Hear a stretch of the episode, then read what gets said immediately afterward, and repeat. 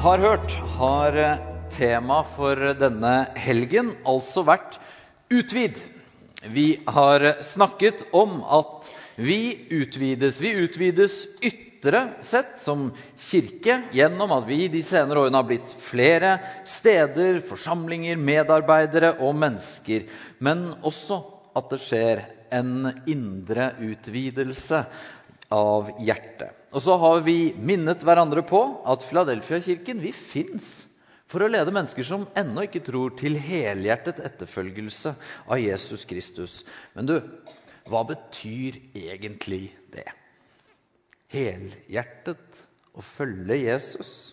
Jesus sa noen merkelige ord som har gitt flere enn meg mye å tenke på gjennom århundrene. Han sa, 'Men trang er den porten, og smal er den veien som fører til livet.' Hvorfor sa han det? Sa han det for å skremme oss? At han som senere skulle ofre alt han hadde og alt han var, for å bane veien for oss? Eller kan det hende at han sa dette for å holde oss våkne? At vi ikke skulle ta livet vårt, pusten din, øyeblikkene, mulighetene, som en selvfølge? Du som har vært kristen en stund, du har fått med deg at Jesus stort sett alltid snudde alt på hodet i forhold til hva folk tenkte. Han kom alltid fra en ny vinkel, og de som trodde verden var en løst gåte, og at de hadde fanget Gud inn i sitt system, de ble gang på gang forvirret. De hadde for liten Jesus. Og Derfor tenkte jeg at i dag, eh, dagen etter eh, Utvid-konferansen, så skal vi sette fokuset på det. En større Jesus. Men la oss, før vi går inn i det, be sammen. Far i himmelen, tusen takk for at det er akkurat vi som er her nå. At vi får leve, puste og være til. Nå ber vi, kom Hellige Ånd, og vis oss Jesus. La øynene i hjertet vårt få se ham. Amen. Når vi skal se etter en større Jesus, så trenger vi ikke å gå lenger enn til å se han gjennom øynene til de som var rundt han da han gikk på jorden. Vi kan dele de i tre grupper. De modige, de moderne og de minste. Og vi begynner med de modige. Konteksten som vi alltid må vite når vi ser på bibeltekster, er jo altså at Israel som land på Jesu tid det var i en elendig tilstand. Hundrevis av år hadde gått siden storhetstiden under kong David og Salomo. for deg som har gått på søndagsskole. Nå var de okkupert av en gjeng hedninger, syntes de selv, romerne. Før dette hadde asyrerne, babylonerne, perserne, Aleksander den store og ulike greske okkupanter styrt de.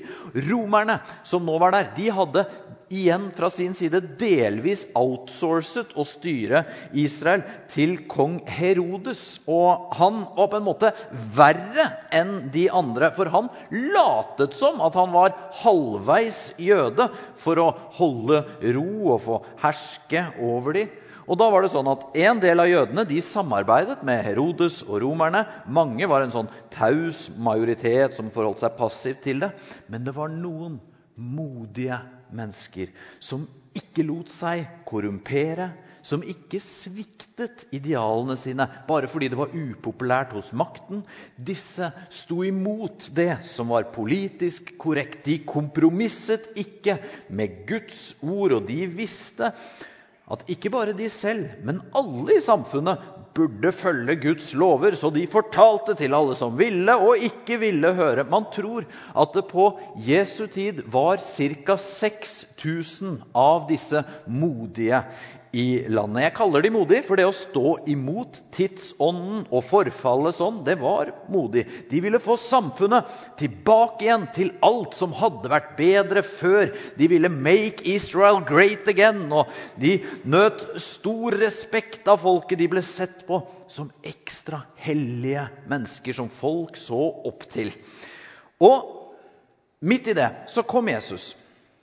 Hvordan reagerte de modige på Jesus? På en måte så var jo disse modige og Jesus de var som skapt for hverandre. Jesus fikk folk til å tro på Gud. Han fikk folk til å få livene sine forvandlet. Han fikk mennesker som hadde levd i mørke og synd og elendighet, til å snu seg bort fra det som ødela livet for dem. Men de modige på Jesu tid, de forkastet Jesus. De kjente ikke igjen Gud i han. Spørsmålet blir jo hvorfor gjorde de ikke det? Her hadde de bedt om at Gud måtte komme og forandre mennesker og samfunnet. Og de trodde på en levende Gud, disse modige. De trodde på mirakler, de trodde på liv etter døden. Men da Gud kom som svar på århundrer med bønn, så forkastet de han. Hvorfor gjorde de det? Jo, de gjorde det fordi de syntes at Jesus gikk for langt. De syntes det gikk for vidt. De syntes han var for eh, liberal, for bløt. De syntes ikke han holdt seg nok til det Bibelen sa. Og de syntes ikke engang det var vanskelig å se det. Altså, med et halvt øye kan du bare se hva slags folk som flokket seg rundt Jesus. Det var de minst gudfryktige folka. Det var de største synderne. De alle visste var syndere. Det var horer og forrædere og korrupte forretningsfolk. Det var båndfolk så langt øyet rakk. Selvfølgelig kan ikke en som hylles av sånne mennesker, vite hva sann gudstro er. Selvfølgelig kan ikke en som ikke setter ned foten, være fra Gud. Det var jo åpenbart. Han sprengte alle anstendige rammer. Og Jesus provoserte de modige ekstra mye fordi han selv åpenbart var en som fulgte Gud. Men han kunne jo ikke være fra Gud. For Guds ord var f.eks. tydelig på at man ikke skulle gjøre seg selv uren. Men Jesus, Renhet var utrolig viktig i dette jødiske samfunnet. Men Jesus han satt på fester hos folk som han ble uren bare å tenke på. Han lo og spiste med dem og drakk vin med dem. Og selv om alle gode jøder visste at de folka skal vi ikke være sammen med. Han brøt rammene, og de ble støtt av det. Og de følte et ansvar faktisk for å avsløre Jesus, sånn at folk skulle skjønne hva han gjorde. Så det står på den tiden tok Jesus veien langs kornåkrene Skal vi tro vi har sliden der, ja. Eh, på sabbaten, ikke sant? helligdagen. Stappfull av ting man måtte gjøre og ikke måtte gjøre. Disiplene hans var sultne og ga seg til å plukke aks og spise. Fariseerne så det og sa til han, Se der! Disiplene dine gjør det som ikke er tillatt å gjøre på sabbaten. Got you, vi tok deg. Du kan ikke være fra Gud. Dere synder jo helt åpenlyst. Men han svarte, har dere ikke lest hva David gjorde da både han og mennene hans ble sultne? Han gikk inn i Guds hus, og de spiste skuebrødene som verken han eller mennene hans hadde lov til å spise, men bare prestene. Ok, hva sier du her, Jesus? Så Guds ord teller ikke. Du viser oss at det også står i Bibelen om folk som har brutt sabbaten. Vi skjønner ikke, er ikke poenget at vi skal holde denne loven, da? Er det ikke sånn vi viser at vi er skikkelig troende? At vi følger bokstavene? Jesus så forvirringen og fortsatte. Hadde dere skjønt hva dette ordet betyr? Det er barmhjertighet jeg vil ha, ikke offer. Da hadde dere ikke dømt de som er uten skyld. Hva sa han? Barmhjertighet? altså, barmhjertighet, er ikke det bare sånn bla, bla, nestekjærlighet, toleranse, bla, bla? Vi hadde kjøpt huset vårt på Korsvoll og ti år siden. Hadde et kjipt, drøyt halvår. Vi bodde midlertidig med tre barn og pussa opp. Jeg skjønte etter hvert vi hadde sprukket skikkelig på budsjettet. Og for første gang til da i livet så sov jeg dårlig av bekymring. Jeg har gjort det noen ganger siden, men det var første gang. Så fikk jeg et skarpt brev fra det eneste boligeiere i Oslo frykter mer enn døden selv, nemlig plan- og bygningsetaten. Og jeg var sliten når jeg var syka ut. Jeg pleier ikke å være det. Da var pappa der. Han sto og hjalp til og malte i kjelleren. Da la han hånda rundt meg og så sa han, 'Dette klarer vi. Dette står vi sammen om. Barmhjertighet er ikke bla, bla. Det er det aller viktigste. Og nå bestemte Jesus seg for en konfrontasjon med det som provoserte han så kraftig, nemlig det styggeste av alt hovmod. Det hovmodet som sminker seg og blir religiøst. Så det står Han dro derfra og gikk inn i synagogen deres. Der var det en mann med en hånd som var vissen. Og de spurte Jesus, er det tillatt å helbrede på sabbaten? For de ville finne noe å anklage han for. Det er nesten komisk. De så en syk og tenkte ikke det er synd på han. Kan vi gjøre noe for han? Nei, de tenkte her blir det fort en helbredelse. Det er en god anledning til å avsløre feil tro. Avsløre at ikke man følger Bibelen, for loven var klar. Ingenting skulle gjøres på sabbaten, og en helbredelse var klart utenfor boksen, rammen av det som var lov. Jesus ble fortvilet over hvor harde hjertene deres var. At ikke de så mennesket med hånden.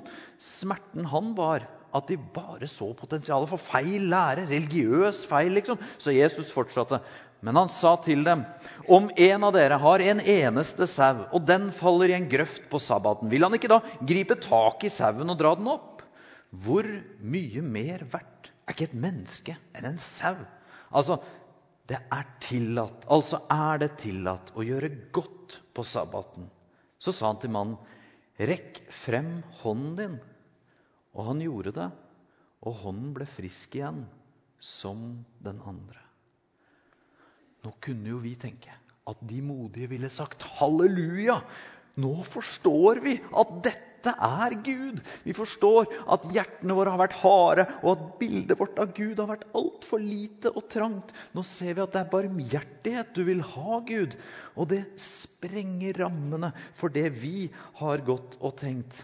Men ingenting er mer stivnakket enn religiøst hovmodige. Så i stedet for å glede seg over mannen at han ble frisk, så står det Men fariseerne gikk ut og la planer mot han for å få tatt livet av han.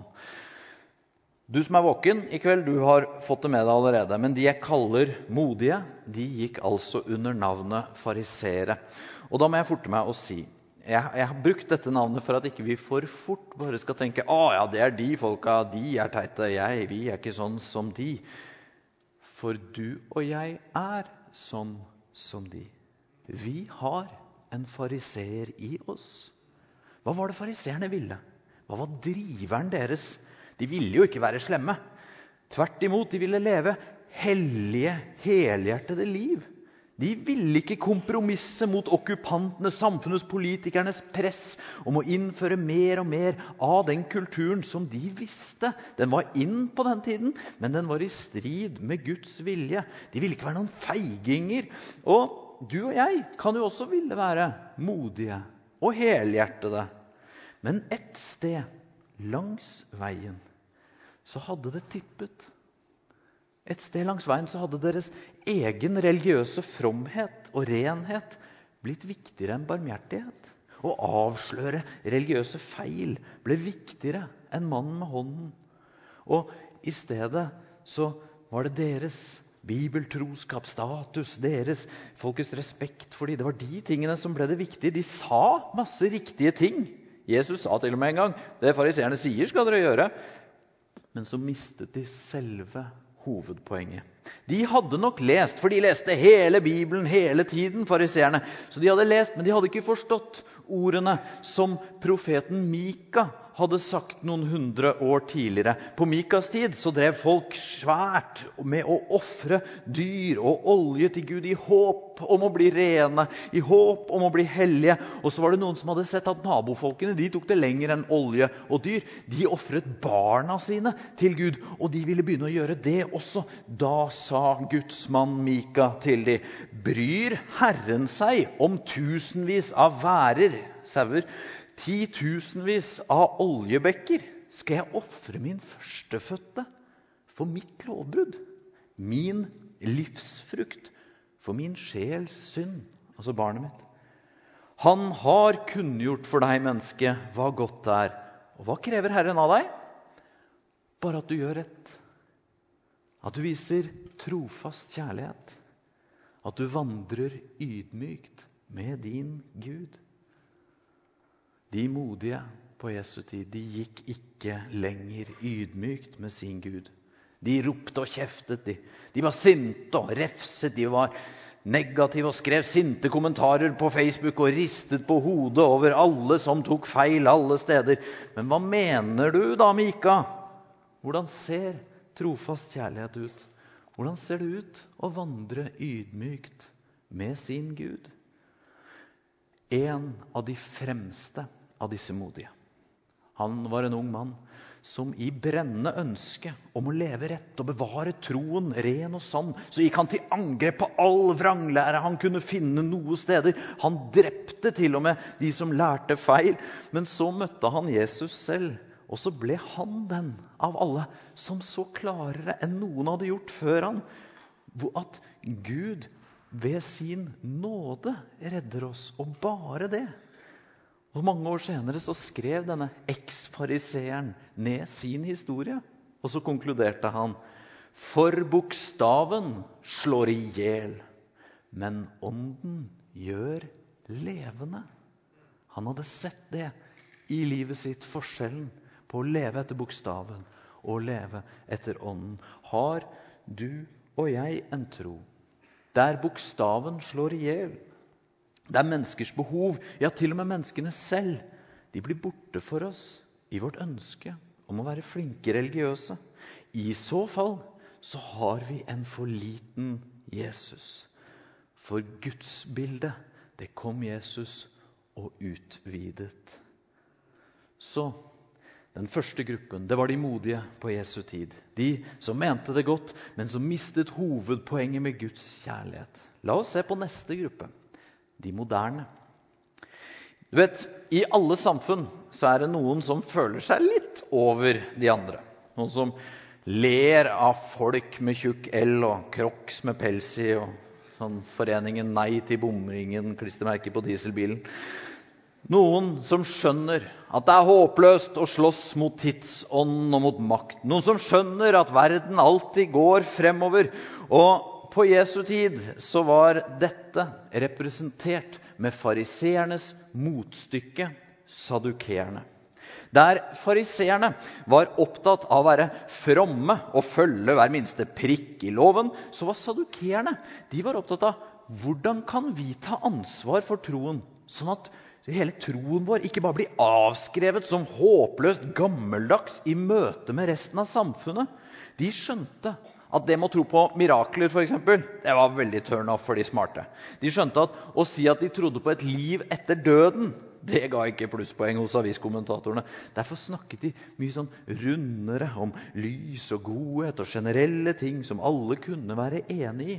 De var opptatt av å utnytte situasjonen de var i, best mulig. Ikke kaste bort livet på ønske at alt hadde vært annerledes. Tvert imot, kom sadukerene frem til. Så var eh, romerne de representerte mye bra. De. Altså, her var det disiplin og orden. og Den greske kulturen de hadde med seg, den var fremskritt og vitenskap. Og troen må alltid tilpasses fremskritt. Hvorfor skulle de fortsette å være så trangsynte og gammeldagse at de avviste alt.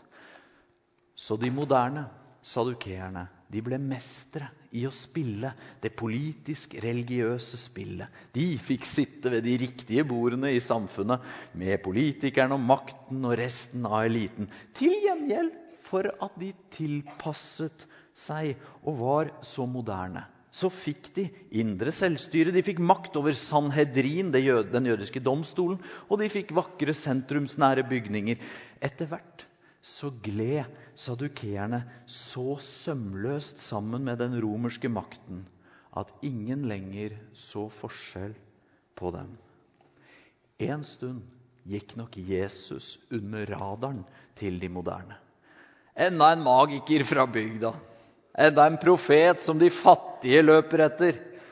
Men etter hvert som Jesus vant større og større respekt i folket, så begynte sadukerene i hovedstaden å følge med på ham. I det daglige så lot de fariseerne ta diskusjonen og fightene med Jesus. Men da alt toppet seg mot slutten, så var det faktisk ikke fariseerne. De trakk seg tilbake, da. Og så var det sadukeerne som skulle koste Jesus livet. La oss gå inn i historien der hvor de virkelig forsto hvilken trussel den sanne Jesus representerte for dem. Tempelplassen i Jerusalem var sadukeernes stolthet, og tempelet selv hadde kanskje aldri vært vakrere og i bedre stand enn nå som de hadde fått selvstyre til å kontrollere det. Og nå var det påske. Titusenvis av mennesker hadde kommet for å feire og be. Og de menneskene de kom til sadukeernes velsmurte maskineri. Alle som kom, de måtte betale en generell tempelskatt til tempelet og i tillegg betale for sine offerdyr. Sadukeerne hadde ordnet det så smart at de bare aksepterte én myntenhet til alt dette. Og det var sølvmynter fra Tyrus. Og de fikk man tilfeldigvis bare tak i gjennom å veksle hos de offisielle pengevekslerne, som ga elendige kurser. Og til offerdyr så skulle en familie ha et lam. Men de fattigste de kunne få slippe unna med to duer. Det var bare det at også disse duene måtte kjøpes fra de offisielle bodene. Og der kostet de nøyaktig 100 ganger over markedspris ellers nødvendige og nyttige penger, syntes sadukeerne selv. Men denne påsken så var det Jesus som kom over tempelplassen. Og det han så, det gjorde han sint. Er det noe som ligger på Guds hjerte, så er det de fattige. Og er det noe som gjør Gud sint, så er det når fattige utnyttes i hans navn.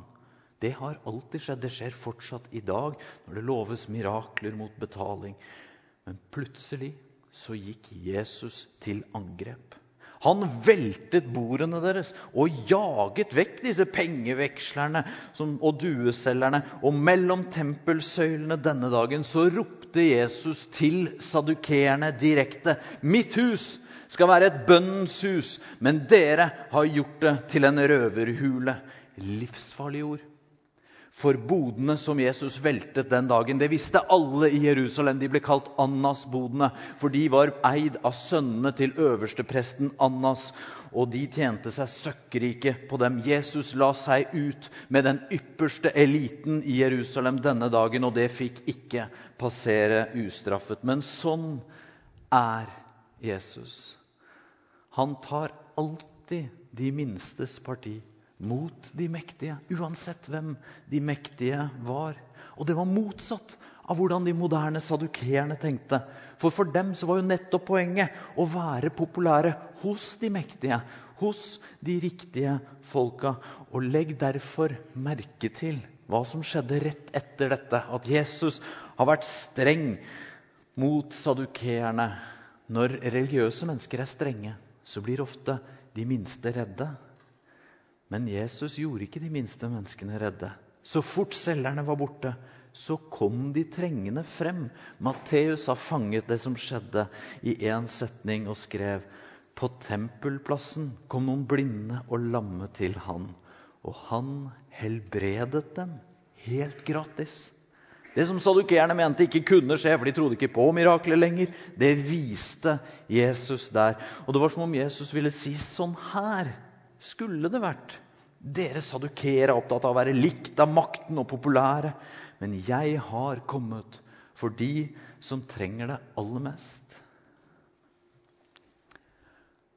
Har ikke du og jeg litt sadukeer i oss også? I går rett her ute i matsalen spurte en journalist meg og sa dere fremstår så moderne som kirke, men så tviholder dere på en konservativ teologi. Er ikke det ulogisk? Nå syns jeg ikke sånne merkelapper på teologi alltid er så nyttig, men jeg kjenner meg igjen i fristelsen. Alle vil jo være moderne, populære, smarte. Men evangeliet, kjernen i den kristne troen, den er ikke en bekreftelse av min styrke. Tvert imot. Det som var vanskelig for de moderne sadukeerne på Jesu tid, var å akseptere at de var syndere, helt avhengig av Guds nåde. Sadukeernes fristelse og min fristelse kanskje din, er at troen den får vi til å passe akkurat passe inn. Passe alvorlig, ikke støtende, ikke utfordrende til mitt fine, pyntelige middelklasseliv. Nei, nei, nei, jeg er ikke sånn som de. Den første gruppen det var altså disse modige som ville gått med troen sin, men som hadde blitt så selvrettferdige at ikke de lenger så menneskene som et mål i seg selv. De så ikke folks situasjoner og behov. De mistet poenget med Bibelens veiledning, at den er der for å hjelpe oss. De møtte ikke menneskene med kjærlighet, de møtte det med en knyttneve av en teologi. Denne andre gruppen, de moderne, de kompromisset bort troen sin for å være populære. Ikke blant de minste, men blant de mektige og kule. De innså ikke at sann tilbedelse er innsikten om at jeg er en synder som trenger Guds nåde. Og så gjorde de Jesus mindre enn han var. For de så ikke at Jesus er større enn det som til enhver tid måtte være populært. Så de modernes teologi, det, det ble mer som et tomt rom. Og imellom her Imellom de modige og de moderne så har vi den tredje gruppen, som kanskje er grunnen til at Jesus kalte veien smal. De minste. De hadde ikke statusen til de modige fariseerne og ikke makten og pengene til de moderne sadukeerne. Dette var de minste i samfunnet. Fattige fiskere, enkle arbeidere. Langt borte fra de hellige, fine troende som hadde skjønt alt med Gud, og langt borte fra de kule, moderne, innflytelsesrike som alltid skjønte spill og posisjonerte seg riktig. Disse minste de hadde aldri definert seg selv på innsiden av noen attraktiv gruppe. Men plutselig så oppdaget de at Gud var mye større enn de hadde trodd. Gud var ikke bare den strenge dommeren til fariseerne eller den vage, fjerne teorien til sadukeerne. I stedet var Gud her i nabolaget. Jesus møtte de der de var. Ikke der de burde ha vært som flinke, snille og gudfryktige, men der de satt på en fest i en tollbod langs en strand. Og så møtte han de med en godhet de aldri kunne glemme. Samtidig utfordret han de til å følge han, uansett om så til døden. Men da det virkelig dro seg til, de siste dagene i Jerusalem, da Jesus konfronterte sadukeernes makt, da var det ingen av de minste som hadde mot til å stå med han. Så Jesus ble arrestert og drept alene. Men akkurat da, da Jesu oppdrag kulminerte, da Jesus smakte konsekvensene av all ondskap og møtte døden selv på korset, da var han sviktet både av de modige, som burde ha kjent han igjen, og av de moderne, som så på han som en trussel, og de minste, som var vennene hans, men som sviktet han. Men akkurat da begynte noe å snu. For sent langfredag, da Jesus var død, og alt så ut til å være over, tapt, ferdig, da oppsto et merkelig lite samarbeid mellom representanter for alle disse tre gruppene. Fra de minste så var det noen som på avstand fulgte med på det som skjedde med Jesus i Jerusalem de dagene. Og de, Det var ikke de berømte disiplene. De hadde gjemt seg langt borte. Men det var noen kvinner, bl.a. Maria Magdalena. Hun som Jesus hadde inkludert og reddet fra et veldig mørkt sted i livet hennes. Hun som Jesus hadde vist at han var så mye større enn at fortiden hennes skulle få definere fremtiden hennes. Og så var det Maria, Jakobs mor, og så var det en som het Salome. Fra de modige så var det denne kvelden en som brøt rekkene. Og det var ikke hvem som helst av dem. Det var en av de eldste av fariseerne. En som over tid hadde forstått hvem Jesus var. Men han hadde ikke villet stå frem med det. Det var for mye å tape for ham. Han var respektert. Han satt i Sanhedrin-rådet. Han nøt folkets respekt. Men denne kvelden kastet Nikodemus plutselig alt dette fra seg. Merkelig timing, nå som alt var tapt. Den tredje i dette underlige samarbeidet var fra de moderne. Og det var en rik, respektert mann, Josef av Arimathea. Denne kvelden ydmyket han seg uopprettelig. For det de gjorde, var oppsiktsvekkende. De to høyt respekterte mennene de gikk til Pilatus, den romerske guvernøren, og fikk tillatelse til å gravlegge Jesu døde kropp i Josefs egen grav. Og mens kvinnene fulgte med, så ga Nikodemus og Josef begge fra seg det som kanskje hadde hindret dem i å ta imot Jesus frem til da. Nikodemus ga fra seg sin religiøse renhet. Han som hadde vært så respektert. Nå ble han sett av hele Jerusalem som gikk utenfor bymuren den dagen, at han gjorde seg uren i et samfunn hvor ingenting var viktigere enn din renhet. Og i hvert fall ikke for en som han. Men han ga fra seg sin renhet ved å bære og stelle liket til en dømt forbryter. Josef han ga fra seg sin verdighet og sin plass i det gode selskap i samfunnet gjennom at han sto frem som en tilhenger åpent av en opprører som ville rive ned dette som sadukeerne bygde på. Og begge gjorde det etter at Jesus hadde tapt og var død. De gikk begge fra hver sin side over og ble av de minste. Og begge tydeliggjorde det her gjennom at de gjorde den ultimate, urene, nedverdigende jobben. At de stelte kroppen hans. Det var det bare slaver og kvinner i dette patriarkalske samfunnet som gjorde. Men denne kvelden så gjorde altså Nikodemus og Josef det, og de gjorde det foran øynene på de minste, de fattige kvinnene. Og der, ved den døde kroppen til Jesus, så ble de forent, disse tre. I møte med Jesus, så utfordres vi til å se han er alltid større. For vi har, jeg har for å være personlig, en dragning mot å bli religiøst høy. Altså, jeg tenker Verden er en løs gåte. Det er ganske mye jeg har forstått. Hvis bare alle hadde vært som meg. Fy søren, så mye enklere. Veldig mye hadde vært i verden. Eller jeg blir sosialt, kulturelt høy og tenker at Troen min er ganske moderne. Den kan gli inn i det aller meste i kulturen min. Og jeg tror at de fleste vil kunne like meg. Og så står Jesus og sier at han er så mye mer nådefull enn jeg i min religiøse tranghet forstår. At det er barmhjertighet han vil ha, ikke mine offer. Og så er han så mye mer utfordrende enn mitt ønske om å bare leve det mest privilegerte, friksjonsfrie livet. Jesus er alltid større. Tenk på til slutt Johannes.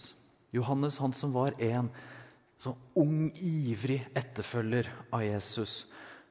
Men nå hadde han blitt gammel, og alle vennene hans, alle de andre disiplene, de som var flokken som fulgte Jesus, som opplevde alt i de tre årene de gikk med Jesus. Nå var alle de andre drept, og det var bare Johannes igjen. Og han satt forvist til øya Patmos. Den gale keiser Domitian i Rom gjorde alt han kunne nå for å utrydde de kristne en gang for alle. Og Johannes var redd. Kanskje er dette slutten på kirken i verden. Hva var Guds svar til Johannes der han satt på øya?